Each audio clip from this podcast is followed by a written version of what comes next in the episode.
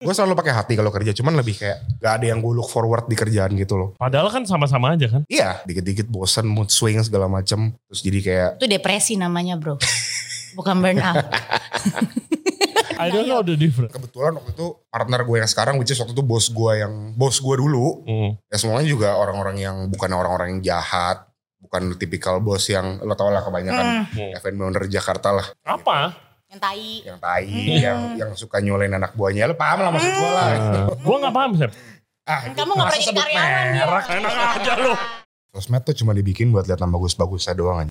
Oh iya exactly. Banyak lah yang Lu bisa filter tau sosmed lu kalau lu lakin pantat cewek kan. Nanti keluarnya itu doang lu udah nggak ngeliatin kesuksesan orang lagi. Iya. Benar. Ya lu banyak-banyakin Mendingan lu konten ngeliatin pantat sama cabe-cabean. tete cewek daripada ngeliatin pemandingin diri gitu.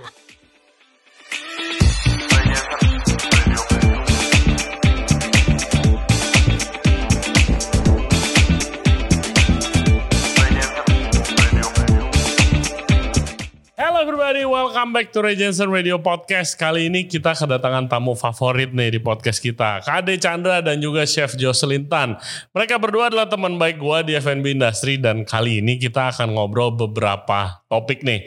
Kita akan ngobrolin kalau kalian partneran sama temen kalian apa aja yang harus diantisipasi dan juga topik yang akhir-akhir ini lagi banyak diomongin yaitu soal burnout.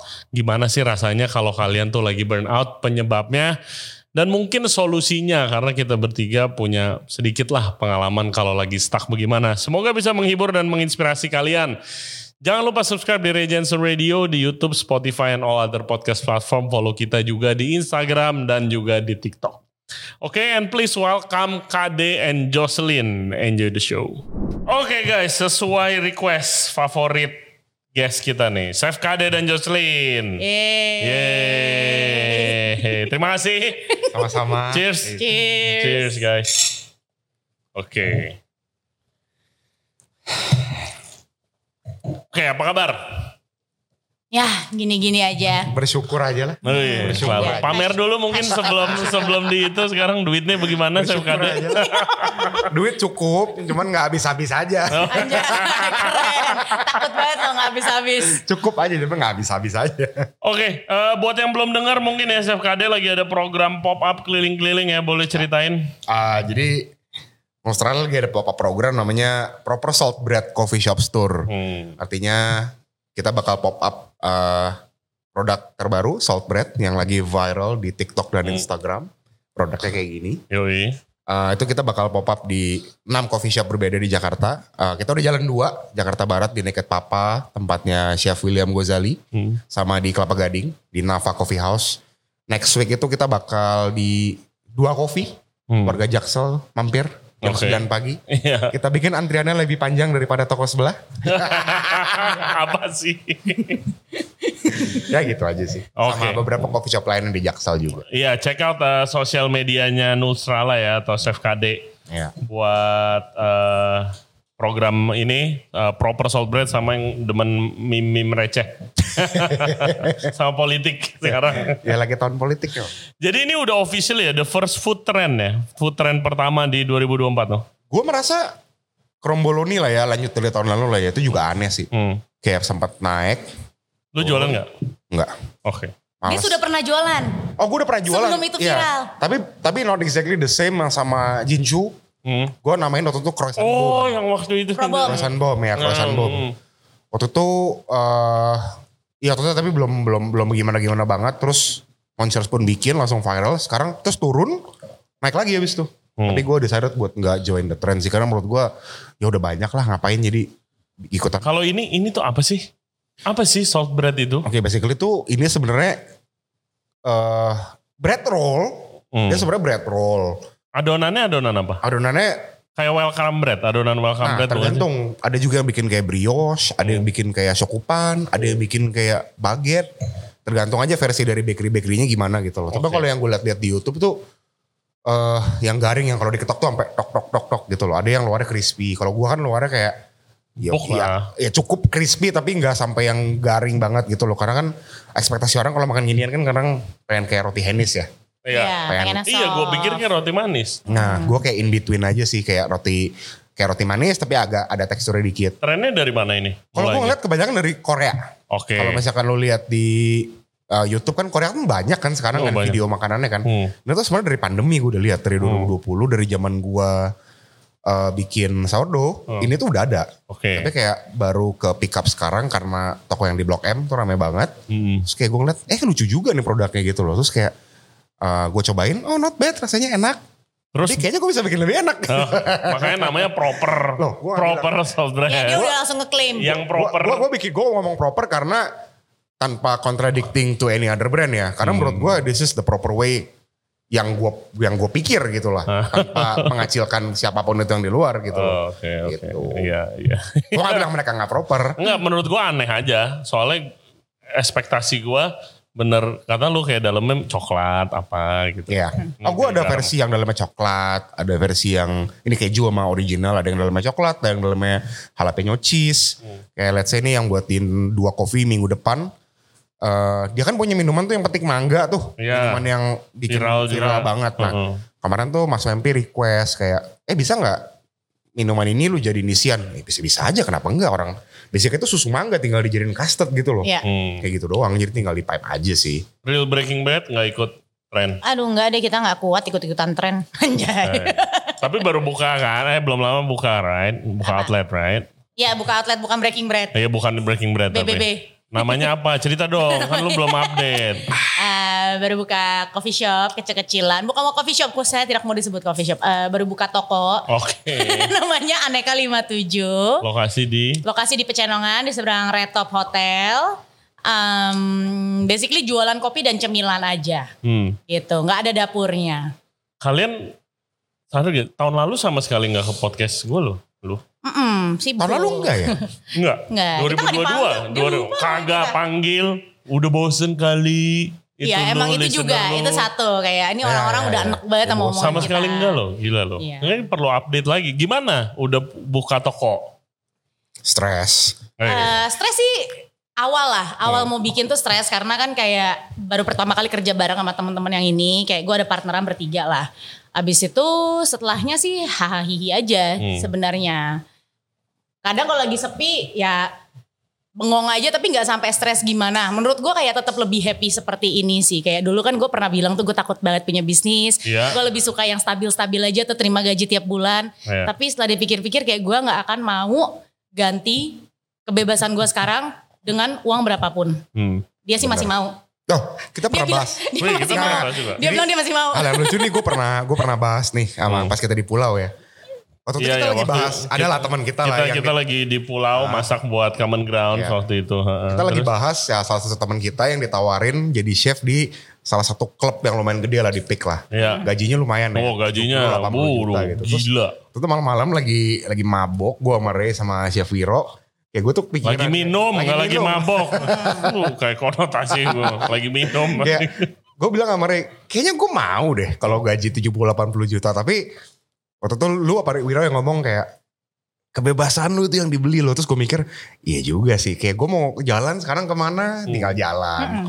Mau ngapain tinggal ngapain gitu loh maksud gue. Betul, ma- eh, yang yang gua ngomong, eh, eh, Wiro mungkin yang ngomong ya, yang ya lu ngupload ngupload kita lagi di pulau aja, di mana banyak teman-teman kita lagi keringetan nih di dapur, gitu kan komen gila lu asik banget sih gitu segala macam. Itu yang nggak bisa Ya itu gak bisa dibeli, itu gak ada harga. nggak bisa dibeli kecuali lu punya bisnis lu sendiri gitu kan. Betul. Ya nggak tahu sih, tapi kalau 80 ya Gue Beli jiwa saya. 80 ya. Iya, jadi komen gak sih berapa harga eh, Harga jiwa lo? kebebasan kalian. Harga kebebasan kalian, harga mimpi kalian tuh berapa? Tapi kan banyak yang bilang jangan buka bisnis bareng temen. Itu bener gak? Nah, Bisnis gue sih sama Bedanya. temen doang. nah So- bedanya itu gue kenal sama mereka itu professionally. Hmm. Settingan butuh jasa. Hmm. Jadi bukan dari teman main, dari butuh jasa. Jadi s- beberapa kali kerja bareng dan ternyata karakternya cocok, seleranya sama. Terus apa yang menurut gue lucu buat dia tuh nggak aneh. Tapi kan Yang jadi penting gitu. tuh main. itu. Hah? Jadi main juga tuh. Tapi at least dari awal tuh Awalannya udah kerja profesional. Hmm. profesional. Jadi em, nextnya kalau misal ada masalah atau apa enak ngomongnya Hmm. gitu bukan nggak ada nggak enakannya aduh takut nggak enak merusak persahabatan yang sudah dibangun puluhan tahun itu nggak ada gitu Iya, tapi di Iya, I think kalau di bisnis ini susah gak sih?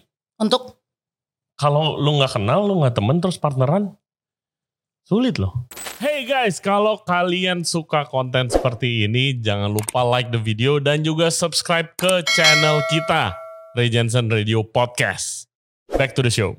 memang iya sih apalagi melibatkan uang itu kan sebenarnya ya Keras ya. Ah, terus apalagi F&B di mana yang kayak ketemuannya intens banget gitu. betul. Ya kan kalau lu nggak enjoy each other company gitu, Nah itu justru kita memang justru kita apa ya kayak ada di nggak ada dia pun kita kangen sebenarnya gitu kayak Hmm. nyari wah sepi nih nggak ada nih orang Iya. dia lagi liburan kemana kayak gitu.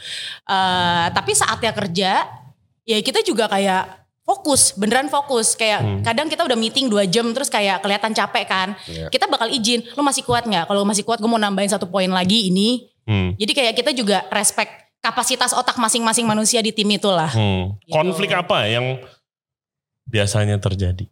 Karena gua gua ada yang Coba, paling coba, standar coba gua. duluan deh. Lu Chef Ray duluan, gimana? oke. Tapi Konflik. abis ini lu share ya lu. gue awalnya share, gue ngomong-ngomong buka semua. semua, gue buka semua. ya. Oke.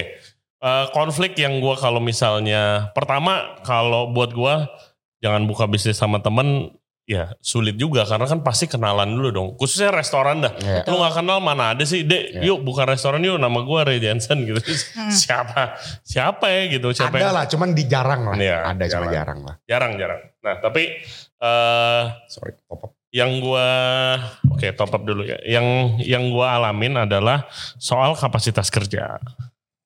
Kalau gua Mm-mm. kapasitas kerja di mana khususnya gua dan ya kita bertiga lah ya. Kita biasanya kan pasti kalau partneran buka bisnis apapun yang di F&B kita pegang operation dong, ya operasional restoran di mana load kerjanya gua berasanya itu lebih banyak daripada yang lain-lain yang ya. lainnya mungkin Mhm. yang pegang marketing atau pegang finance Ya. atau yang megang apapun lah di departemen lain jadi kadang kayak loh jir kok gue kerja paling berat nih Ya. Kayak Karena gitu. kerjaan operasional paling tangible lah kalau Iya, di suatu restoran. paling paling kelihatan, Paling kelihatan, gitu kan iya. konsistensi produk kadang-kadang COGS Hmm. dan segala macam yang menu baru manajemen staff karyawan bla bla bla bla bla gue berasanya kayak gitu Ya. dan itu jadi masalah gua yang sebelum-sebelum ini ya sebelum sama yang ini gitu Ya. loh. Ya kan gue partneran sama Chef Wiro sama Chef Respati. Which is itu di awal ada juga, tapi gua ngomongin bedanya. Bedanya gue ngomongin kok begini, kok gue berasanya begini nih, gue berasanya kok gua kayak load gue berat banget di gua gitu Ya. kan. Tapi ternyata setelah semuanya sharing, oh enggak, ternyata itu aja guanya baper karena lu nggak ngelihat aja dan gue dan gue nggak lihat Iya. gitu loh ya contohnya Wiro mikirin marketing mikirin konsep ya gue juga kagak bisa Iya. gitu deh dan juga itu juga ada perlu ada ada tenaganya di Benar, situ gitu benar. ya itu itu permasalahan gue yang di grup-grup sebelumnya itu jadi masalah dan tidak diomongin Iya. gitu kalau gue Chef Ade Kalau gue konflik lebih kayak perbedaan pendapat lah pastilah. Kayak Hmm. misalkan gue maunya A, let's say kayak sama Adlar gitu ya. Hmm. Adlar maunya B gitu. Tapi kayak ya bi- kalau lagi meeting ya bisa gontok-gontok. Adlar nih head chef lu Ya chef gue. Sekarang udah jadi partner gue. oh chef uh Chef partner. chef of chef owner ya. berarti mengikuti eh, jejak karir chef KD ya Oh kan saya yang saya yang Iya, dari dari staff ya, dari staff Mentor jadi itu KD. gitu. Iya. Suhu. ya. Gila. ya gitu jadi kayak kadang tapi di sisi lain eh tadinya kan ada yang ngikut aja ngikut aja sekarang dia bisa berargumen gitu loh Hmm. ya namanya lu udah jadi partner berarti kan lu dia punya opini opini dong yang harus gua ngertiin dong tapi ya namanya meeting kontok-kontokan segala macem Contoh, kayak misalkan mau kerjaan proyek baru nih layout Hmm. segala macem gini gitu gini gitu Hmm. ya dia nggak setuju gue Hmm. bilang ya kenapa nggak setuju gini gitu ya jadi bukan ribut sih tapi jadi nada naik hmm, tapi ya kayak setelah meeting ya switch switch mode aja jadi kayak ngomong biasa lagi ngomongin apa politik meme segala macam nyambung nyambung aja gitu loh kalau gue yang penting sih lu harus ada switch mode itulah antara professional work sama temenan lah menurut gue. tapi yang problem da- yang waktu tadi gue bilang lu nggak pernah ada berasa itu di Oh. Eh, profesional lu. kalau gue sama partner gue saya tiga yang lain kayak dari awal emang udah gimana ya emang udah kelihatan kan contohnya kayak gue ngurusin operasional Hmm. Riva ngurusin finance Hmm. karena gue nggak bisa finance Lukas ngurusin technical Hmm. sound kabel lampu jadi masing-masing punya porsinya sendiri dan mau ikut campur pun gue nggak ngerti gitu loh dan Mhm. mereka pun juga nggak ngerti Mhm. paling cuma bisa kasih input kayak eh ini suaranya kurang bagus eh ini mana laporannya kayak gitu gitu doang Mhm. dan mereka pun nggak bisa nge- nge- nggak nyampurin urusan gue karena they don't know what the fuck they're talking about gitu loh kalau misalkan mereka nyampurin urusan gue juga jadi kayak saling tahu boundariesnya masing-masing aja sih Hmm. jadi selama ini ya gue merasa lumayan balance lah sama partner-partner gue lah Gitu. Oke. Sep, Hmm, pernah gak berasa kayak seperti itu? em, pernah tapi bukan dari kayak oh kok gue ngerasa kerja paling banyak itu kayak dulu lah zaman Hmm. gua gue masih kerja lah ya walaupun gue bukan partner tapi gue ngerasa kayak divisi gue kan ini doang kenapa gue ngerjain yang lain juga Hmm. nah tapi kalau saat kongsian ini aneka gue lebih ngerasa kayak eh, experience orang beda-beda Hmm. kapasitas kerja orang maksudnya kayak di lapangan tuh jauh berbeda dan gue tuh nggak bisa expect orang tuh harus semental gue itu nggak Hmm. nggak bisa. Jadi gue harus ketemu tengah dan itu susah. Kayak gue toleransi banyak banget dan gue tuh kayak, ih gue maunya tuh se- kalau nggak bisa 100 at least 95. Hmm. Ternyata partner-partner gue bilang kayak nggak bisa, lu nggak bisa nunggu 95 baru mau jalan. Hmm. 70 kita jalanin sambil Iya. berjalan lu benahin. Ah, ya, ah, Itu ya. kayak gue belajar untuk apa ya? Maksudnya lu maunya maksudnya ini supaya listener lebih ngerti, Iya. maunya kayak bener-bener rapi baru jalan. Ya, Apapun bukan itu. rapinya, ya apapun in, Iya. in general gitulah. Mhm. Kayak kalau nggak sesuai ekspektasi, gue bakal kesel banget sama tukang aja gue berantem. Gitu loh, sama tukang gue ngeliat dia kerja aja, gue kesel ya partner gue sampai kayak lu jangan ngajak ribut tukang kalau tukangnya cabut toko kita nggak jadi. Iya. Gue ngeliat tukang nat aja gue kayak anjir di natnya satu-satu manual pakai strap. Kayak, lu pernah dengerin nama Fighting back sama lu gue pernah dengerin nama piping bag ya Hah, anjir. gimana gimana gimana Jadi gimana? nat kita itu kan Nat-nat itu buat yang belum tahu antara ubin Keramik atau ketemu keramik keramik ya. diisi. Sampingnya tuh ya. Eh, Kayak- tengahnya Ya. tuh di ya. Iya. tengah di antara ya Di kayak antara nempelin. dua keramik lah. Ha. Betul. Terus Maksudnya gue kan nggak ngerti lah hal-hal seperti itu tuh pertama kali kayak gue ngebangun lah intinya. hmm. Tapi kayak nalar lu jalan dikit gitu loh, lu tuh ada kerjaan tipis-tipis. Kalau ngukur-ngukur gue nggak paham lah. Tapi kayak pekerjaan yang kayak, coy ini kan ada cara lebih gampang. Heeh. Nah, Jadi- nat itu apa? Dia ngapain emangnya? Dia ngenatinnya itu kan jadi kan jarak antar keramik itu agak gede, bukan bukan yang kayak cuman biasa berapa sih 2 mili gitu. Ini kayak satu senti gitu kan. Ya, Nah lu kan bisa potong piping bag, lu ngisi, bis lu scrape. oke, pastry chef style lah ya. Iya, tapi maksudnya kayak ada loh caranya dan Iya. ternyata di toko bangunan juga ada jual piping Piping bag. bag. Jadi itu Hmm. bukan Buat sesuatu lapor. yang awam untuk mereka. Oke, gue pikir nggak, gue Ada. pikir wah ini revolutionary juga nih Chef Enggak, Jocelyn itu gitu. emang teknik teknik yang ada di dunia pembangunan. Jadi Teknik bule-bule yang Iya. tukang sendirian gitu. soalnya Oh. pas bikin maple tukangnya tuh ngenatnya di pipe Ah, di Pak. satu-satu. Oke. gitu. Karena dia kan lu lobang kan, Lobang. Lu ngisi lobang. Iya, Kalau iya. gue ngisi di antara. Iya, jadi lu kayak selang. piping bag gitu Ah. kan, ya. Terus terus, Iya, iya. Videonya dia lagi. ya sumpah. Eh, kirimin dong, kirimin dong. Iya. Tapi intinya tuh eh, kayak gue tuh tetap bisa. Yang gue belajar dari partner-partner gue adalah gue tetap bisa menyampaikan maksud gue tanpa gue harus narik urat. Hmm, Gue cuman harus ubah cara komunikasi gue. hmm. doang dan pesan gue tetap akan tersampai Iya. gitu tadinya tuh gue ngerasa kayak ya ini nggak bener kerjanya makanya gue marah Hmm. gitu sedangkan mereka yang kayak tapi lu kan nggak mesti marah reaksi lu kan bisa ngomongnya kasih feedback Oke, instead iya, of iya. marah Iya, iya. itu sih nah awalnya tuh gue masih kayak ya anjing lu nggak ngerti ya ini ini kalau mundur duit kita tuh ketahan gitu loh Hmm. padahal gue juga gue nggak ingat kayak duit mereka juga di sini loh Hmm. mereka juga sama-sama frustasinya kayak gue Oh. gitu jadi di situ gue belajar memperbaiki hubungan Komunikasi. Komunikasi. komunikasi, yang baik Iya. Hmm. gitu Damn, iya sih kalau komunikasi. Oh, gua- kalau gua gua bangga gua udah jauh lebih baik. Ah, cheers lah, cheers kita lah, semua kita cheers. semua kita semua Iya, Gua- sudah lebih gua- baik Gue jauh lebih baik dari Haleluya. yang ngomel-ngomel begitu. Ah, masa. udah capek juga Enggak, eh gue di Maple nggak pernah gue ngomelin apa-apa coy. Kita udah nggak capek ada. juga coy kita udah tua udah habis tahu tenaganya untuk Iya. yang kayak gitu Hmm. Saya bukan udah habis tenaganya kayak nyadar mungkin Ada cara yang lebih pakai efektif. Otot, iya lebih efektif lu nggak capek. Iya. Hmm. Dan Lebih orang lebih ke diterima. lebih ke gua nggak capek hatinya sih. Benar. Dan ya mungkin ya bener tadi kata lu bilang kadang-kadang kita maunya 100% Mm-mm. karena kan kayak kalau gua sih zaman dulu kalau di kitchen tuh lu kalau lu nggak happy sedikit pun jangan keluarin tuh makanan gitu kan. Benar. Ya, tapi nggak bisa. Iya. Kasarnya ya sekarang sih nggak nggak bisa. udah nggak bisa sebegitunya kayak banyak faktor yang nggak bisa lu kontrol terlalu Hmm. banyak hal yang terjadi di lapangan yang di luar kontrol lu tuh kayak ya udah lemesin aja tapi Iya. at least kayak masih kemakan makanan masih panas yang penting lu udah cobain Hmm. Iya, iya itu dia. Saking banyaknya yang tidak bisa terkontrol. Mm. Contoh dari akhir tahun kemarin dah. Ini pertama kali dalam eh, karir gua di F&B.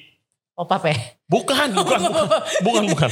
Pop up, pop up, enggak, enggak. Itu mah iya, itu worst service of Oh. my life. ya. itu worst service of my life. bukan, itu juga bukan, nggak bisa bukan di- dari tempat gue kan? Bukan, lancar banget loh kan. Rame lagi. ya. Alhamdulillah. Eh, apa? Pertama kali dalam karir gua eh, akhir tahun turun salesnya.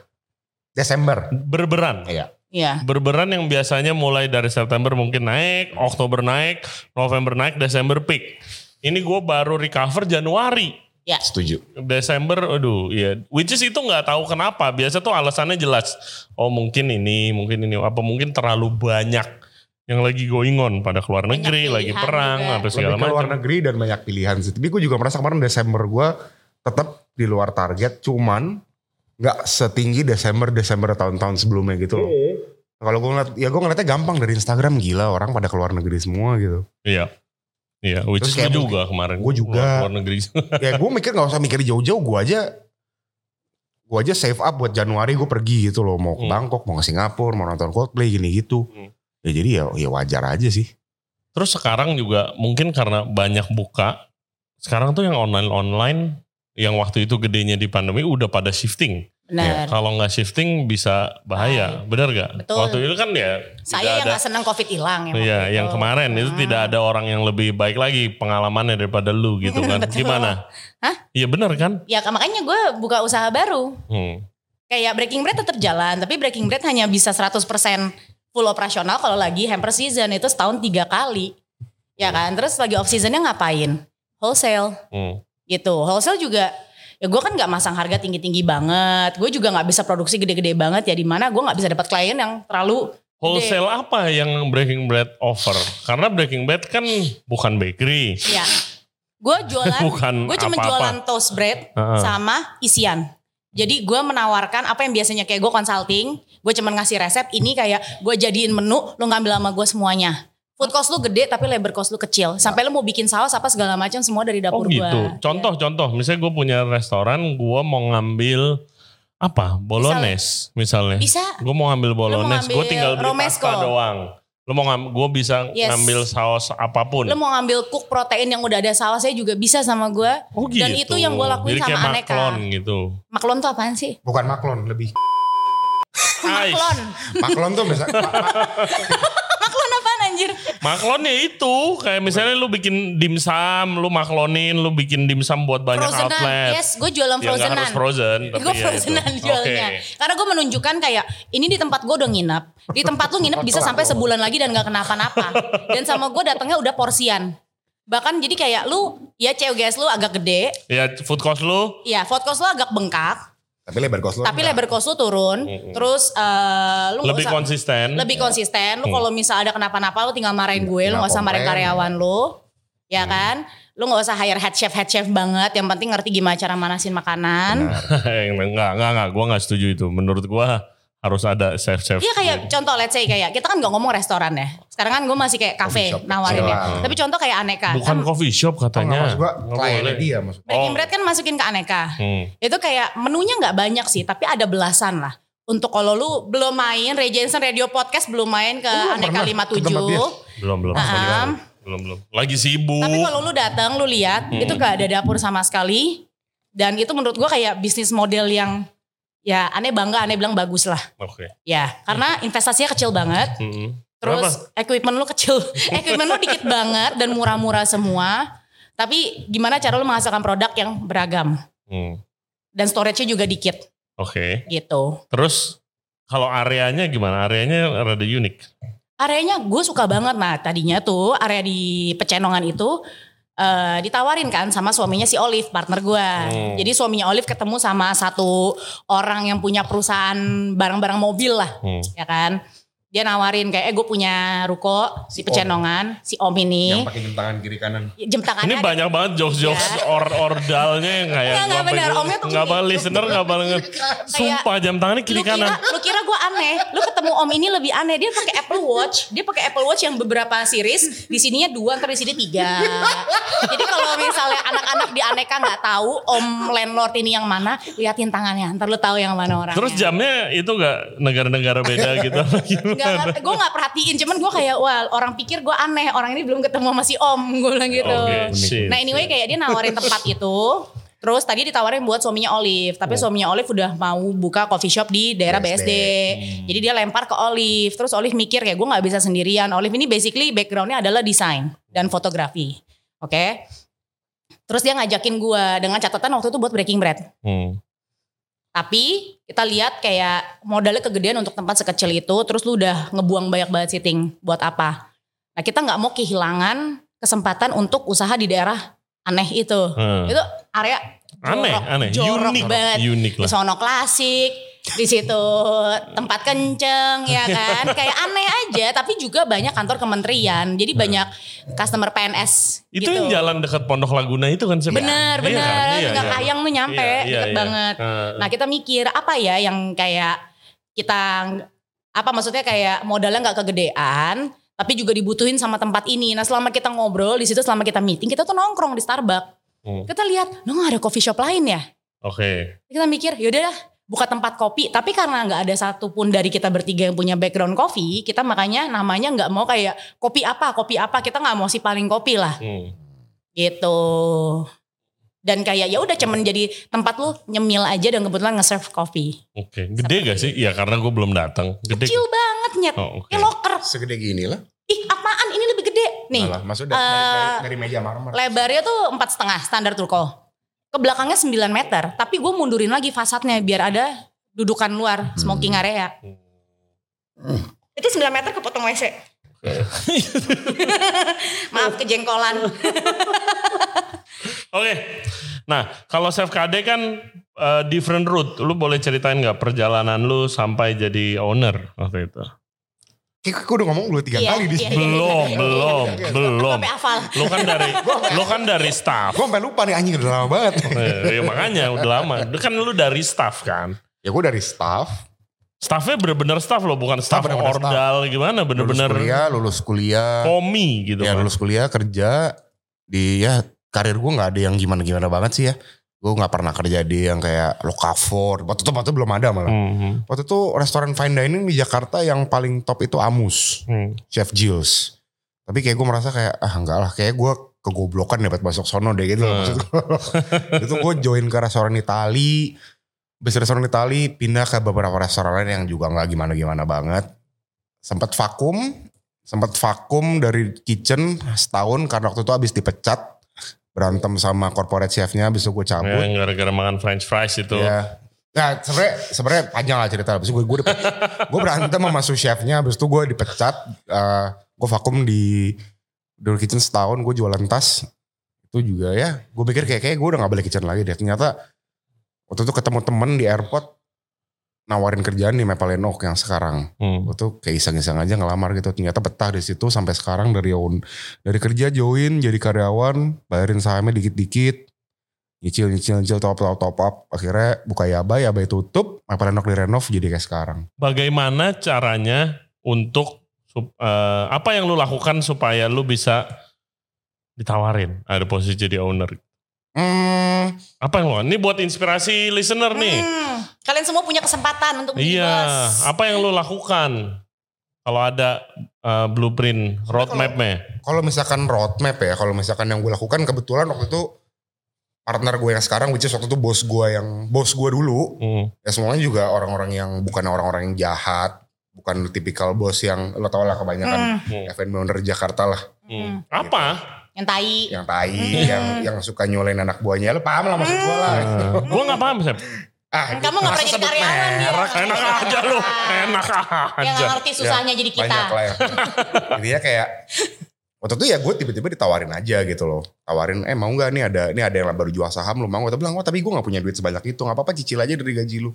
Oh ya udah gitu loh. Lu udah head chef saat itu. Waktu itu gue udah head chef. Hmm. Hmm. Gue udah head chef terus kayak ya udah gue ngatur semuanya segala macem. Ya dari simple ada mungkin ada unsur hoki juga ya. Unsur hoki. oh pasti ada dong hoki mah pasti ada Terus menurut gue ya ya gue bersyukur lah gue datang dari background yang lumayan privilege. Hmm. Privilege bukan dalam artian bokap gue kaya raya gitu. Hmm. Kaya aja. Gak juga, dalam artian gini. Enggak, poinnya bukan itu. Poinnya adalah privilege dalam artian kita semua tuh, kita digaji dulu. Hmm. Ada gaji kita tuh kita bisa pakai buat beli buku, Hmm. buat memperkaya diri lah di Iya, karir iya. ini lah. Bukan yang harus buat eh, ngehidupin keluarga lu. Itu menurut gue tuh suatu privilege sih. Sangat Suatu privilege. privilege. Bukan Sangat berarti privilege.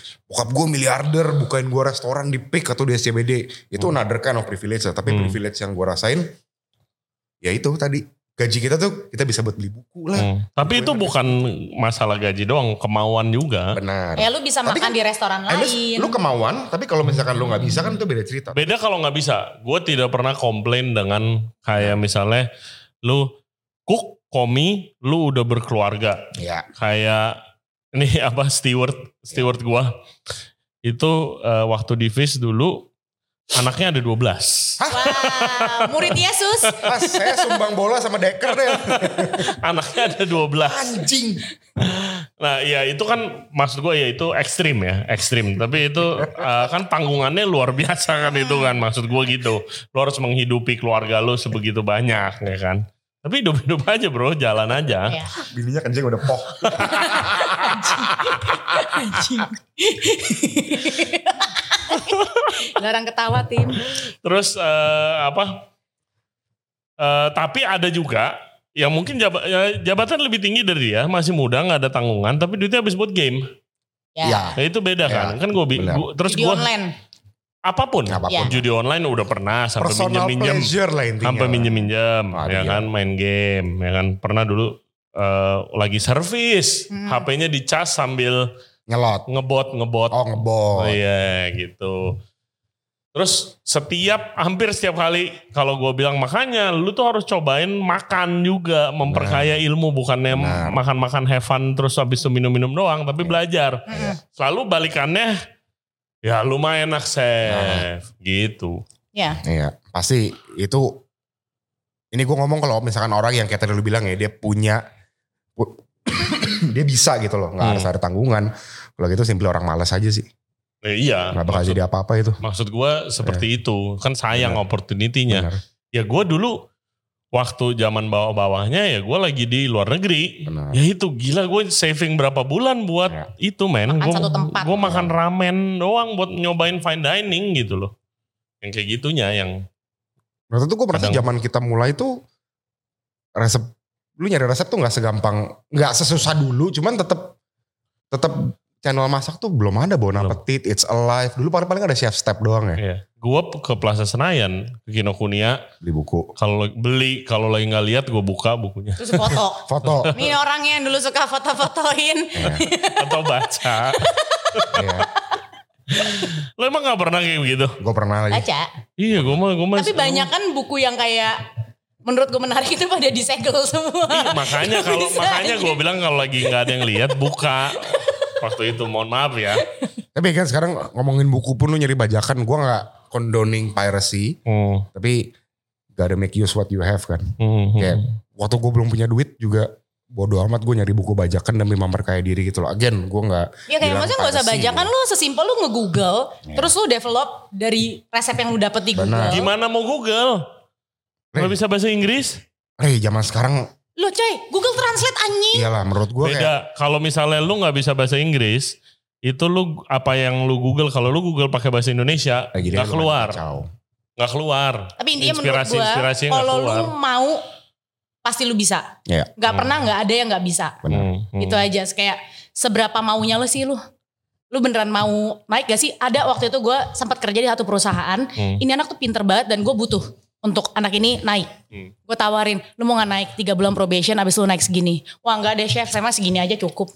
Oh iya, banyak. Anjing, Banyak, gue yang kayak, banyak wah gila, lu banget. tuh bisa banget loh, lu tuh ada potensinya dan ternyata lu yang nggak mau ya. Iya. Ternyata bukan perusahaan yang nggak memfasilitasi lu gitu Iya, loh. ada juga yang case seperti itu. Gua ketemu itu kondisi sous chef, dari sous chef mau jadi head chef.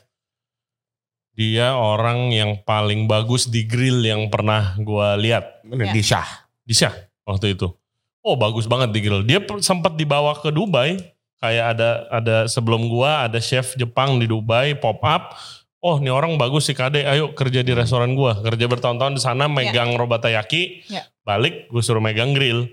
Tapi naik nggak mau Hmm. karena simply nggak mau belajar komputer. Iya. Ayo gua ajarin biar bisa lu ngerti food cost, ordering makanan, Hmm. inventory. Nggak mau, nggak nggak, gue gini aja. Ah nggak, gue gini aja gitu. Ya lu kayak Chef Zul bilang, passion is not enough. No. You need desire. and, Iya. and You commitment sih. need desire.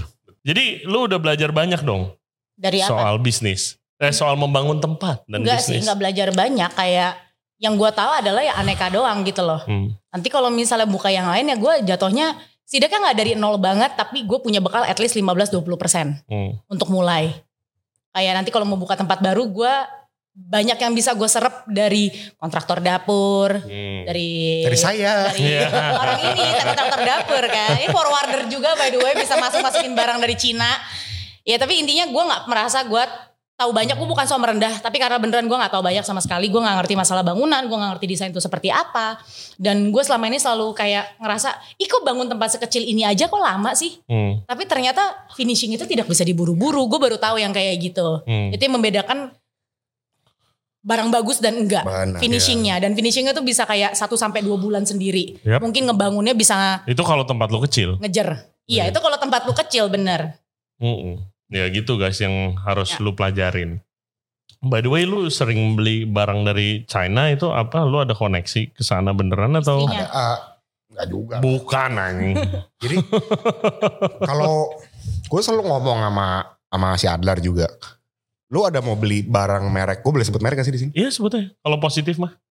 Nah, ini enggak, lum- bukan sebenarnya ya enggak. Ya, positif ntar sama gua negatif mute. Sih. Cuma kayak, misalkan kayak oke, lu mau beli barang merek gitu. Ah. Ya itu kan udah, tau- udah tahu Cina kan. Hmm. Itu kan barang yang dua tahun rusak, lu nggak servis, lu buang. Hmm. Ya. Emang barang itu jelek gitu loh. Mhm. Ya.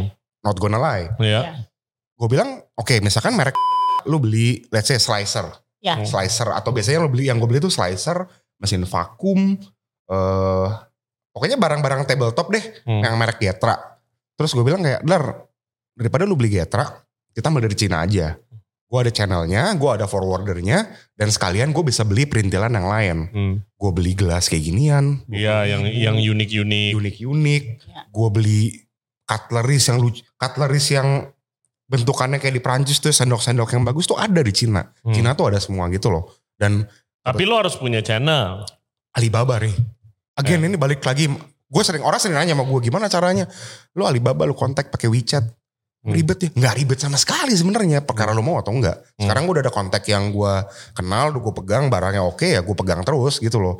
Forwarder. Kalau forwarder si cewek gue punya sepupu emang dia forwarder dari Guangzhou ke Jakarta. Prosesnya tuh sama sekali nggak ribet. Lu cuma ngechat-ngechat. Dan orang Cina tuh menurut gue orang Tiongkok ya. Tiongkok, Tionghoa. Tionghoa, Kita Tionghoa. mah Tionghoa ini Tiongkok. Cung, Oke. Cungkoren, Cungkoren. Seralu Sore. Cungkoren, lah, iya. seralu. Cungkoren tuh mereka meskipun belepotan bahasa Inggrisnya, they will try so fucking hard buat converse sama lo dalam bahasa Inggris. Hmm. Meskipun hari raya, hari libur mereka akan tetap bales. Ya. Lu minta katalog apa? Dikasih. Hmm. Iya. Mentalitas Cina Mentalitas aja lah. ya. Cina tuh emang top. Ya, Bilang, Anjay. Top bisnis. Ya, Ya, top. duit mulu. Makanya selama ini orang lu nggak takut ditipu. Eh, selama ini alhamdulillah belum pernah ditipu sih. Hmm. Ya jangan lah amit-amit. Iya mas gue kayak gue juga beli barang bukan yang sampai 10 miliar. Beli barang paling mentok 20 juta. Hmm. Ditipu Tapi Gitu kalau juga. ditipu kesel juga sih Iya, anjing ditipu kesel 20 juga, juta. Iya. Cuman kayak harusnya enggak sih. Toh gue liat profilnya di Alibaba tuh legit semuanya. Tapi bukannya barangnya kualitasnya kurang oke? Again kalau misalkan gue beli sama misalkan gini contoh ya gue beli slicer kemarin Hmm.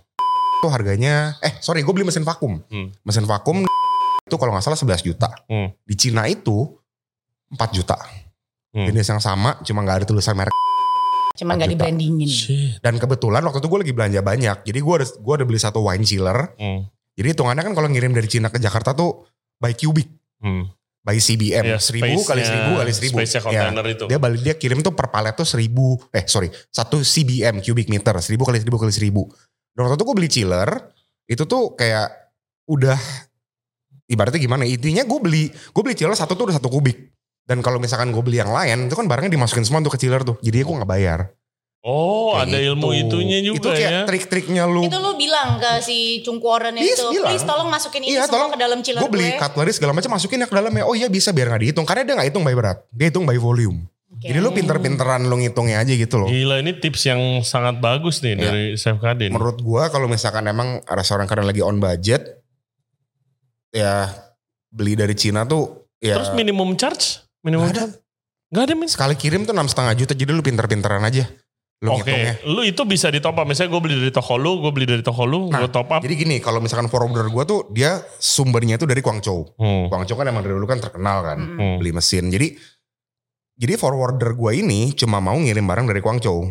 Jadi nah kebetulan Guangzhou itu tuh kota yang industrial banget lah segala macam mesin tuh ada gitu loh sampai mesin mesin bikin dildo juga ada anjir. Cutleries? Cutleries juga. Oke. Jadi jadi kan Guangzhou tuh kan ibaratnya kayak kota gede terus within vicinity-nya tuh banyak kota-kota kecil yang bikin-bikin hal lain Hmm. gitu. Jadi kalau misalkan misalkan gua ada dari dari Senchen gitu misalkan ya, gue cuma gue nanya ke yang dari Senchen, eh lu bisa kirim ke Guangzhou nggak? Oh bisa kok, ya udah kirim aja ke sini alamannya gudangnya di sini. Oh boleh juga tuh.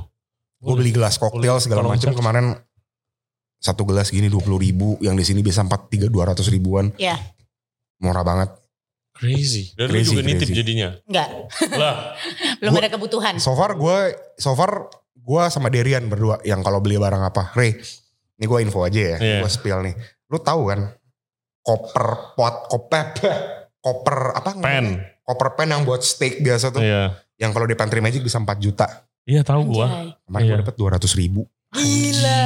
Tapi emang lebih tipis. But who fucking cares? Hmm. Ya. Kualitasnya sama, warnanya rose gold. Kalau lu serving di Iya. buat plating doang kan. Again, 200 ribu. Bukan Bukan, buat masak ya buat berarti ya. masak. Bukan buat, Oke, kalau yang 4 serving juta tuh plate. bisa buat masak. Iya, lu masak. Iya. Heeh, betul. Gitu loh. Terus kayak panci-panci koper yang biasa yang itu. Yang buat sos. Itu Derian yang beli kemarin dia nitip. Iya, iya dia pakai banyak banget. tuh. Iya, itu gue yang masukin kemarin. Hmm. Gue bilang, ya lu mau nitip apa ya sekalian gitu loh. Hmm. 80 ribu, 90 ribu. Ya udah aja lah gitu maksud gue.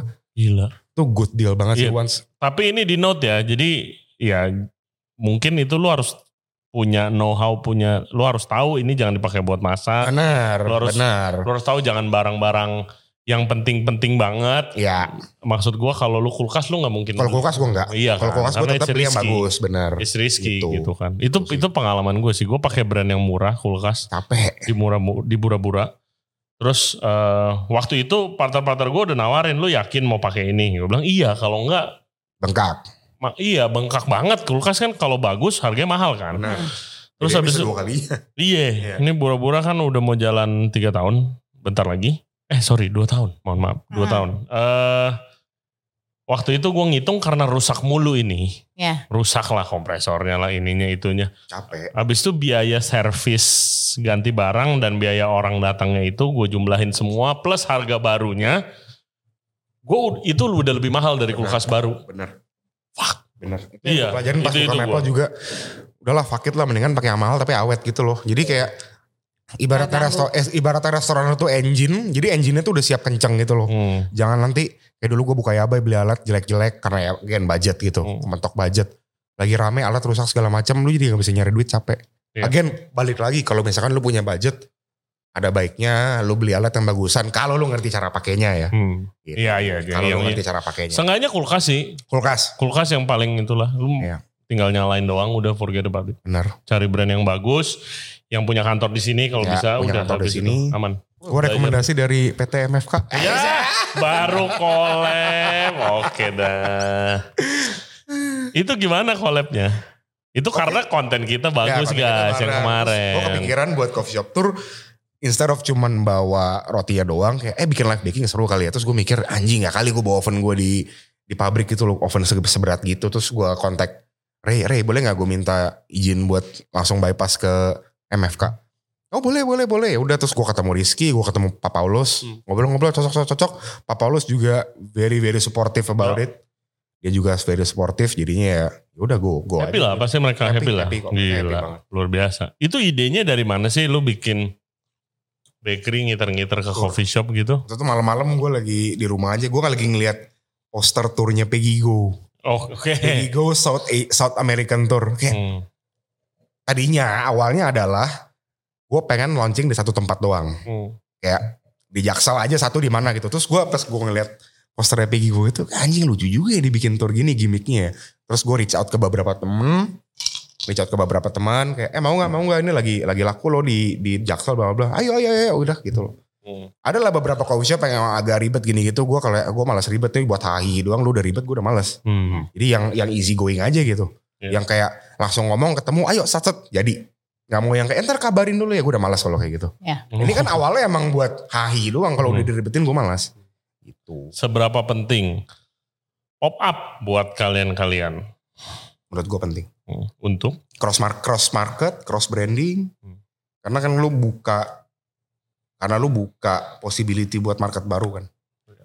Gitu loh. Again in house marketing nggak nggak kalah pentingnya sama out, out sama outreach ya. Cuman menurut gue sekarang yang lebih efektif tuh yang outreach sih menurut Iya, gue. efektif banget sih Efektif. pop up Itu yang gue lakukan tahun ke belakang gue outreach eh gue ajak chef datang collab, gue ajak orang datang ke Serpong segala macam. dan lu nginter juga gue ngeter juga Hmm. jadi kayak gue ngasih kenalin brand gue apa terus orang juga jadi kan setiap orang ini kan punya market masing-masing kan betul yang Iya, belum tentu tahu brand lu benar benar benar yes very very, very nice. gimana Kadang bent- bentar lagi tidur nih Sam Jocelyn kadang problemnya itu tempat-tempat tuh merasa kesombongan kayak Hmm. ah dia siapa gitu loh Hmm. kadang lu belum lu, lu jangan ngomong kayak gitu gitu lu lu nggak tahu dia bisa siapa yang bisa dia bawa Hmm. gitu kadang orang pengennya pop up langsung sama Arnold Purnomo gitu, oh misalnya. kan udah juga tapi ya kan tapi kan gue startnya kan awal-awal kan kayak oke lah yang biasa Oh Ray Mr. Jensen Brandon. Ray dulu, Jensen yang biasa. Ray Jensen dulu ya Iya. kan, yang kecil-kecil dulu lah. Ya, Eh. ya intinya gitu lah, intinya gitu lah.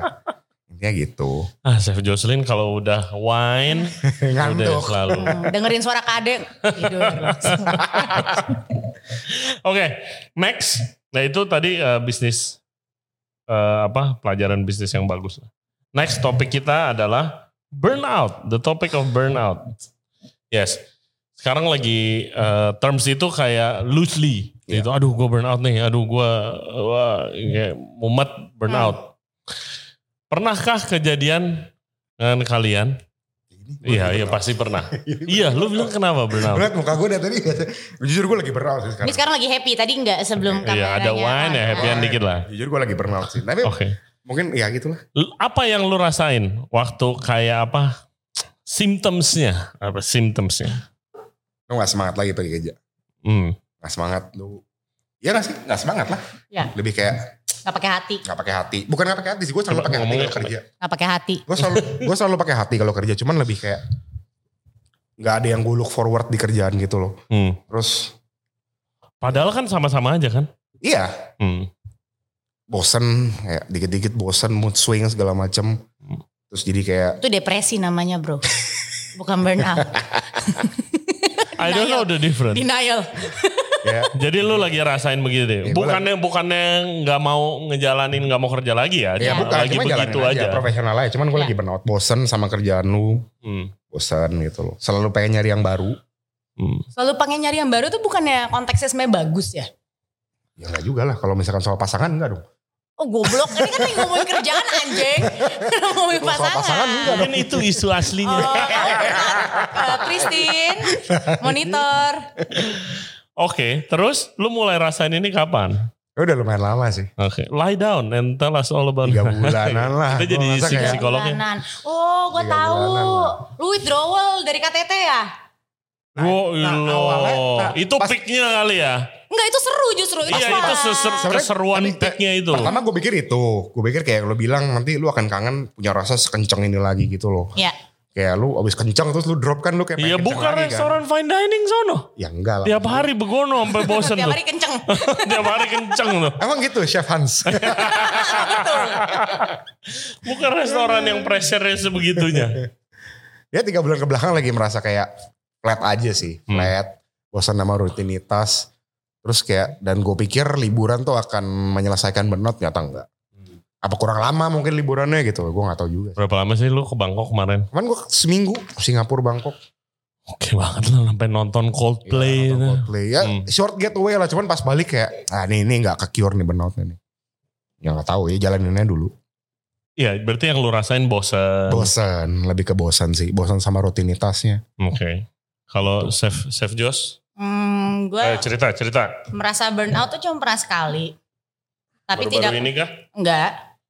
Eh, waktu dulu masih kerja, Hmm. dan itu kayak burnout kalau kayak- kadang orang tuh nggak tahu burnout tuh kenapa kalau gue tuh saat itu tahu kejadiannya kenapa dan gue nggak mau kayak gitu makanya gue keluar Oke, lu kayak gue tahu Take titik yourself masalahnya apa Hmm. gitu dan sebenarnya gue kan tipe orang yang nggak pernah kerja lebih dari setahun gue Hmm. kalau udah setahun selesai masa kontrak gue nggak akan perpanjang karena menurut gue tidak ada tantangannya lagi atau jatuhnya kayak gue udah tahu tai tainya lu gue udah cukup deh mending hubungan kita selesai di sini hubungannya baik Hmm. bukan selesai nggak baik gitu Iya, hmm. tapi kalau kemarin jatuhnya kan hampir 2 tahun tuh jadi kayak eh kayaknya udah melebihi kuota kerja gue nih Hmm. periode kerja gue. Jadi em, dan gue paksain juga. Terus kayak gue merasa itu kayak gue ngerasa divisi gue tuh cuman dapur doang. Tapi kok kerjaan marketing itu suruh gue yang suruh ngecekin, Oh, iya. anak-anak floor suruh gue yang ngecekin. Emangnya gue owner gitu kan? GM, GM. Emang gue GM, OM gitu kan enggak gitu. Jadi gue ngerasa kayak eh ya itulah kayak enek kayak gue jadi nggak bisa perform 100% di kerjaan gue karena gue harus ngurusin yang lain dan gue say yes lagi tweet kayak gue goblok aja harusnya gue menolak gitu loh ya itu jadi gue langsung kayak enggak deh udah gue keluar aja Hmm. gitu tapi untuk kayak usaha gue sendiri dua usaha doang gak banyak maksudnya kayak bukan kayak KD udah lama gitu gue tuh merasa gue bisa kontrol karena gue bisa say no kayak kadang lo lagi hamper season lu banyak banget orderan yang masuk terus mepet terus kayak gue ngadmin tapi gue juga produksi Eh gue nolakin duit Hmm. dan itu duit juga maksudnya gede untuk gue tapi gue lebih milih kayak gue kehilangan duit segitu daripada gue harus stres nangis tiap malam Hmm. Nah tapi ada catatannya, tanggungan gue nggak banyak, karyawan gue dikit, Hmm. terus gue nggak bayaran karena tanahnya tanah laki gue. Kalau KD tuh tetap nggak bisa kayak, misalnya let's say kayak dia capek banget apa, tapi dia tetap harus jalan Yes, karena dia fix costnya gede banget betul. gitu.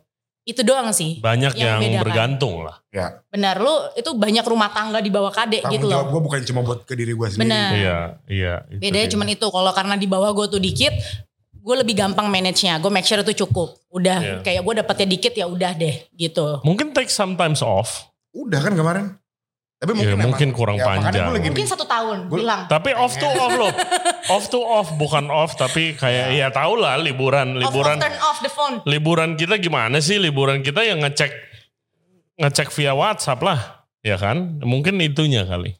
Gue hati-hati banget pakai kata-kata burnout itu karena kalau kalau misalnya kadang cerita begitu, gue sometimes gue berasanya kayak I'm seems ungrateful Ya.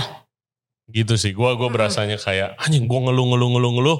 Terus biasanya bini gue yang ngomong, oke, lu ngeluh gini, lu ngeluh gini. Lihat tahun lalu lu ngapain sih? Ya. Benar. gitu loh. Kayak misalnya tahun lalu gua tahun lalu gua ngeluh berapa bulan sekali gua ngeluh actually berapa bulan sekali. Tapi kayak selalu dia yang kayak ingat sebelum ini tahun lalu lu ngapain lu nggak ngapa-ngapain lu proyek kagak ada, Ya. pop up kagak ada gini gini gini terus kemarin lagi ingat tahun lalu ngapain lu gitu. Ya. Ya ya tahun ini juga pasti gue begitu juga sih. Gue Kayak- Yang sekarang lu keluhin adalah sesuatu yang lu harapkan di tahun lalu sebenarnya. betul. Betul. Tuh. Gue pengen punya restoran. Ya. Just Nah, itu Itu dia. progres yang baik sebenarnya. Iya, gitu. I think I think kayak eh ya kalau gua suka cerita begitu gua sometimes feel ya itu gua ungrateful makanya itu. Sama ya yang tadi lu berdua Gak bilang. ungrateful sih menurut gue lu tetap bisa menyuarakan. Maksudnya kayak masalah orang beda-beda skalanya. Beda. Tapi kalau Ya, lu yes. ngerasa capek dan lu ngerasa enak, lu tetap boleh kok ngerasa enak gitu Hmm. loh. Hmm. Sama gue suka membanding-bandingkan kalau gua. Itu semua orang sih. Ri. Gue suka membanding-bandingkan. Mungkin kamu tidak perlu Kan Gila. punya sosmed. Anjay, mati dong Regency Radio Podcast. Gila. Si Kade. Wah restorannya udah banyak. eh pop up di mana-mana gitu misalnya. Wah eventnya rame semua. Wah si Jocelyn Mm. eh, udah buka bisnis sekarang gitu segala macem. Wah enak. Padahal gua nggak tahu lu di belakangnya kayak Bener. gimana. Iya, Ada struggle masing-masing Gitu kok. lah. Ya itu kalau masalah gue itunya makanya. Sosmed tuh cuma dibikin buat lihat nama gue bagusnya doang anjir. Ya iya exactly, exactly. Banyak lah yang Lu bisa filter tau sosmed lu kalau lu lakin pantat cewek kan. Nanti keluarnya itu doang lu udah Ya. nggak ngeliatin kesuksesan orang lagi. benar. Jadi banyak-banyakin Mendingan lu konten ngeliatin pantat sama cabe-cabean. tete cewek daripada ngeliatin pembandingin diri gitu. Saya lihat pantat tete cewek, ya anjing. Udah. eh cewek gue. Ntar beda, ntar beda, Gua. ntar Cewek sih sendiri. Terus sama yang maksud gue yang gue sering denger kalau lagi nongkrong itu one out of three itu zaman sekarang itu eh, regularly ke eh, psikolog. ya, Yes. Gimana menurut kalian? Punya pengalaman kah gitu? Karena temen gue banyak banget yang begitu. penting sih menurut gua. Hmm. Itu Karena udah kayak bukan lu- jadi hal tabu ya. kalau Iya, lu menurut kayak health medical check Iya, up kalau aja. dulu dulu kayaknya masih Iya. Gila tabu. Lu, ya, Lu kayak ken- gitu. lu kenapa gitu kan? Kayak Kenapa sih lu? langsung langsung kenapa-napa gitu Iya. seolah-olah. heeh. Emangnya ngapain sih? Ya lu maintain sanity lu aja sebenarnya. Juring juring eh, selagi sesi itu berjalan. SOP-nya tuh ngapain? BJPM. Lu ngomong. Thailand Nah, ya. tapi bedanya lu cerita sama teman, sama lu cerita sama psikolog Hmm. adalah orang ini nggak kenal sama lu, Oh. Heeh. dia objektif, netral, tidak punya reaksi. Hmm. Jadi kadang lu kalau cerita sama kayak gue cerita ke lu sama gue cerita ke dia eh, Tiba-tiba kita ngebacot ada solusi gitu. cara, cara cerita kayak nggak mungkin kayak kalian beneran cuman mau dengerin, mau bantuin gue doang, mau kayak ya coba cerita deh kenapa kayak gitu. Tapi ya karena si psikolog juga punya solusi buat gue. Kalau nggak ngapain gue bayar anjir gitu Iya. kan. Heeh.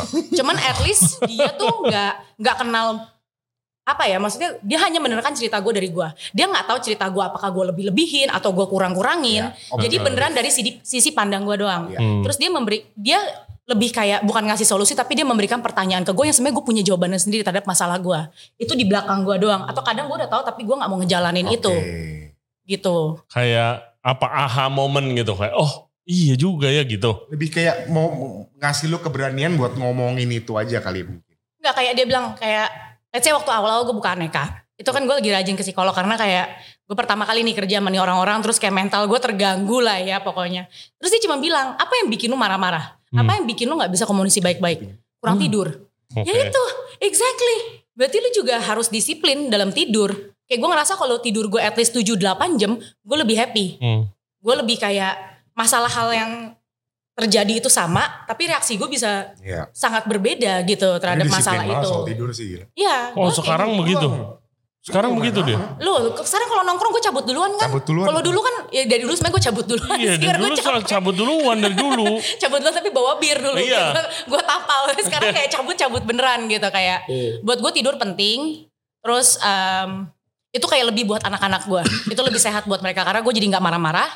Eh gue jadi punya solusi buat mereka. Terus mereka jadi kayak kalau gue kasih tahu mereka tuh beneran ngedengerin instead of takut. Hmm. Itu penting aja sih. Gitu. Oke. Dan si psikolog itu yang ngebukain mata gue bahwa tidur anjir lu juga udah tahu sebenarnya masalahnya tidur tapi kenapa lu nggak ngejalanin kayak the obvious answer gitu. Hmm. Hmm. Dia cuman point out itu. Dan kalau misalnya lu cerita ini ke Kade, Kade nggak bakalan bisa begitu karena dia Karena juga kadang kurang nggak tidur. Dia tidur kan gitu. jam 3, jam 3 nya masih Nah ngepost. begitu. Ya kan shit posting. maksudnya seperti itu. Eh, Sebenarnya bukan gitu sih, tapi lebih kayak Kak dia tahu lagi masalah gua, dia juga tahu teman-teman gua siapa, dia tahu. Jadi dia tuh nggak punya pandangan yang netral terhadap Iya. masalah gua. Hmm. Dia mungkin jadi mihak gue atau dia mihak ke temen gua. Jadi intinya dia take sides. Oke. Nah kalau sama psikolog tuh dia beneran netral dari sudut pandang lu aja. Karena dia gak tahu apa-apa soal lu. Betul. Iya, iya. Dan lu cerita juga jadi nggak ada filter, lu nggak usah malu, lu nggak usah takut, dijudge. Kayak lu nggak kenal nih orang siapa, teh. tinggal besok nggak usah datang, lu nggak kenal lagi sama dia. Mhm. Gitu. Damn. Ya, gua gua never look at it that way sih. Penting, penting banget. Kayak gue dulu tiap kali mau pergi, seminggu sekali, jauh banget ya kan. Gue tinggal di ujung utara, dia di ee-nya Jakarta, ujung bawah. Dan kalau gue mau ke situ, gue harus ngeplan trip gue. Gue harus berangkat jam berapa supaya nggak telat, terus arah baliknya jam pulang kantor. Hmm. Itu anjing banget setengah hari gue hilang dan gue nggak bisa ngerjain apa-apa. Dan gue mikir kayak pas OTW tuh gue udah kayak anjing hari ini gue disuruh kemarin PR ini dan gue harus ngerjain ini, gue harus ceritain ini ke dia. Terus gue harus bayar 600 ribu, which is nggak mahal. Karena psikolognya mungkin satu, satu koma berapa lah gitu. Tapi ya eh, daerahnya lebih tengah kali ya. Hmm. Tapi Iya. pas selesai sesi itu dan gue bayar, gue kayak nggak apa-apa lagi. Hari ini gue lega banget, gue dapet pandangan baru. Gue bisa lebih baik minggu depan. Kayak gue ada something to look forward to. Kayak gue tahu gue harus ngerjain apa dan ceritain apa lagi. Hmm. Oke. Ya, tapi udah nggak lanjut karena dia pindah jam pagi dan gue males. Kalau jauh, Tiba-tiba gue sembuh. kalau jauh sembuh ya. Iya, tapi eh, eh, thank you for sharing, Chef Iya. Jocelyn. Tapi di apa? Ya solusi burnout itu kadang gue di di DM kayak saya saya lagi burnout sekarang harus gimana ya sulit juga karena kan beda-beda tapi ini solusinya adalah tapi yang selalu gua tekanin ini bukan berarti gua ter Si ngerti. si ngerti terbaik ya terbaik paling lah. ngerti gitu si ya. paling ngerti gitu loh tapi dulu gue diajarin sama chef gue di mana kalau lu ada yang nggak happy apapun itu dalam hidup lu karir lu whatever dan do something about it Betul. kayak dia ya dia misalnya waktu itu nggak happy Gue chef Oh. resign. Jocelyn lu resign lu caps Betul. lu liburan lu Ya. ke psikolog Ya. lu mabok, Ya. lu cerita tuh ke bartender lu, lu nongkrong sampai pagi sama temen lu, Itu dia kayaknya. ha. terserah itu gua. Itu dia. tapi ya tapi ya, ya begitu. Ya. Maksudnya harus ada something yang berubah. Hope it helps guys. Oke, next awal tahun yang lumayan bingung kalau buat F&B nih karena tahun baru belum lama terus bentar lagi mau ada pemilu yang pas Valentine di mana itu hari salah satu Rebo. sales sales yang paling tinggi Iya. Valentine buat Ya. F&B. Eh, terus habis itu nggak lama Imlek, nggak lama lagi Ramadan. Imlek dulu baru Valentine. Eh iya Imlek Isinya tanggal 10 ya. Iya. Iya, Sinca. Oh berarti ya udah uh, gongsi paca ya guys. Ya. Kalau ini ngupload ya. Ntar munculnya pas kamu si ya. pacai. Iya, Gongsi Pacai. Makanya Semoga ini sukses. tamunya cindo. Iya. Settingannya gitu. Anjir. Eh, apa ya, yang yang unik lah. Jujur gue kesulitan sih buat buat promo gue awal baru buat event buat promo karena mau contohnya mau Valentine tapi pemilu Ya. tapi Mendingan ada pilih Sinca sih kalau juga. menurut Iya, gua sih. pilih. Pilih. Lu Gue milih untuk Valentine. oke. Kalau buat malamnya gue Valentine, tapi kalau buat paginya gue paling nggak promo biasa lagi nih lah. Jadi Im- Imlek gitu nggak ada. Imlek gue emang nggak pernah ada. Oke. Karena nggak sesuai sama konsep tempat kan. Hmm. Gitu. Chef Jos. Aku menu spesial aja. Hmm. Terus nggak Menu terlalu- spesial kemana? Ke Ah, Imlek, ke Imlek, Sinca? masa ke pemilu, rasa tinta dong. Nggak. Tapi kayak menu spesial aja. Hmm. Eh, terus since partner kita yang marketing juga masih punya full time job, jadi kita nggak terlalu jor-joran. Maksudnya selama ini kita nggak pernah menjalani marketing apapun. Marketing kita adalah dari menu spesial. Hmm. Eh, terus daerah kita itu padat pegawai. Jadi bukan kayak oh lu harus bikin promo apa supaya orang ini mau makan di sini. Jadi kayak orang nongkrong tuh sebenarnya kayak jatuhnya kebutuhan. Yang gue lihat tuh itu Hmm. kayak dia butuh ngopi, dia butuh habis makan siang nongkrong biar nggak langsung balik kantor yang Hmm. kayak gitu tau gak sih? Hmm. Jadi eh, dan kekecilan aja tempatnya kayak seating gue tuh cuma 15 di dalam. Mau apa yang dipromoin? Biar apa? Biar muncrat-muncrat gitu. Jadi kayak eh, sesuai kapas gue dapat tempat sesuai dengan kapasitas gue Hmm. gitu. Oke, harapan kalian tahun-tahun ini, tahun ini, Nggak deh keharapannya Nah, apa deh? Harapan eh semoga semua project dilancarin. Ada beberapa project mau dilancarin. Bisa menjadi orang yang lebih wise, wise. lebih sabar, Hmm. lebih lebih bisa delegate something lah ke ke bawah lah. Oke, Gak micromanage gitu. Hmm, personal nih ya. Harapan gue kayak gitu sih. Karena gue kayak kayak tadi gue gua gua orang yang lumayan micromanage tadinya lah. Sekarang gue try to buat kayak kayak contoh ke Adler. Ya nanti lu yang atur semua. Gue cuma bukain aja nih kemana kemana. Lu yang atur. Lu mau apa lu atur. Ada yang salah lu tanggung jawab sendiri, lu telan sendiri gitu loh. Hmm. Lu atur ya. Ke, ke apapun lah ke marketing gue segala macam ya. Gue udah gak mau ikut campur lagi. Gue cukup gue mau apa gue ngomong udah gitu doang. Oke, Gitu.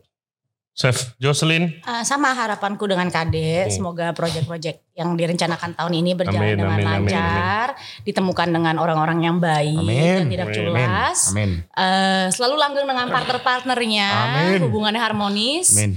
Eh, dan kita diundang lagi tahun depan di Regensen Radio. Tahun Oh. tahun depan, Spa- terus tahun sekali setahun aja, sekali tahun aja sekali sih. aja. Enggak Ngapain? lah. Masih banyak yang lain yang belum dipanggil nih. oke oke oke. Mm. Ya, terima kasih buat waktunya kalian-kalian, Eh, obrolan yang asik dan khususnya tadi soal bisnis dan soal burnout itu semoga bisa menjadi apa ya inspirasi dan masukan buat yang lagi ngelewatin yang sama lah. Yes. Karena burnout is real. Yep. Eh, tinggal solusinya tadi kita udah jabarin beberapa, bukan yang terbaik kita buat, Ya, bukan ini yang paling pengalaman tahu. itu masing-masing. at least aja. yang dia, lak- dia lewatin lah. gitu. Iya. Jadi eh, ya semoga bermanfaat buat kalian. Thank you guys buat yang udah nonton dan yang udah dengerin podcast kita kali ini. Ketemu lagi sama Chef Kade dan Chef Jocelyn tahun depan. Iya. enggak, enggak, enggak, enggak setahun sekali. Eh, check out sosial media mereka. Maple and Oak, Nul Strala, Kade Cuandra. Apalagi, did I miss anything? MO.jkt. mo.jkt. Chef Jocelyn di Real Breaking Bread, Jocelyn Tan, Ngeselin. Nges oh ganti ganti ya. Instagram gua Ngeselin ganti. oh. ganti. Ngeselin. yang uh, display picture-nya RM BTS. eh, itu Oke. RM ya. Oh, Tadinya kan gua anjing tadi jadi itu gua bang Mukanya kayak RM BTS aja. BTS. itu kayak gua keluar dari rahim kayak gitu tau Anjing gak lah. sih tadinya kan Silver Star Stallone. Iya, aduh. Sama aneka apa ya? Gi? Aneka 57. Aneka 57. Stay tune buat project-project mereka dan of course jangan lupa yang belum subscribe di Regency Radio Podcast di YouTube, Spotify, Apple Podcast, eh, all other podcast platform. Follow kita di Instagram dan juga di TikTok. Terima kasih. Semoga sukses tahun ini semua. Amin. Selamat tahun baru Imlek. And I will see you next time. Bye bye. Bye.